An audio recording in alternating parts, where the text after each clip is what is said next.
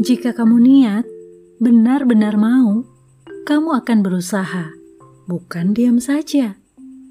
Seorang bayi sekalipun untuk mendapatkan susu, ia harus punya usaha, yaitu dengan membuka mulutnya.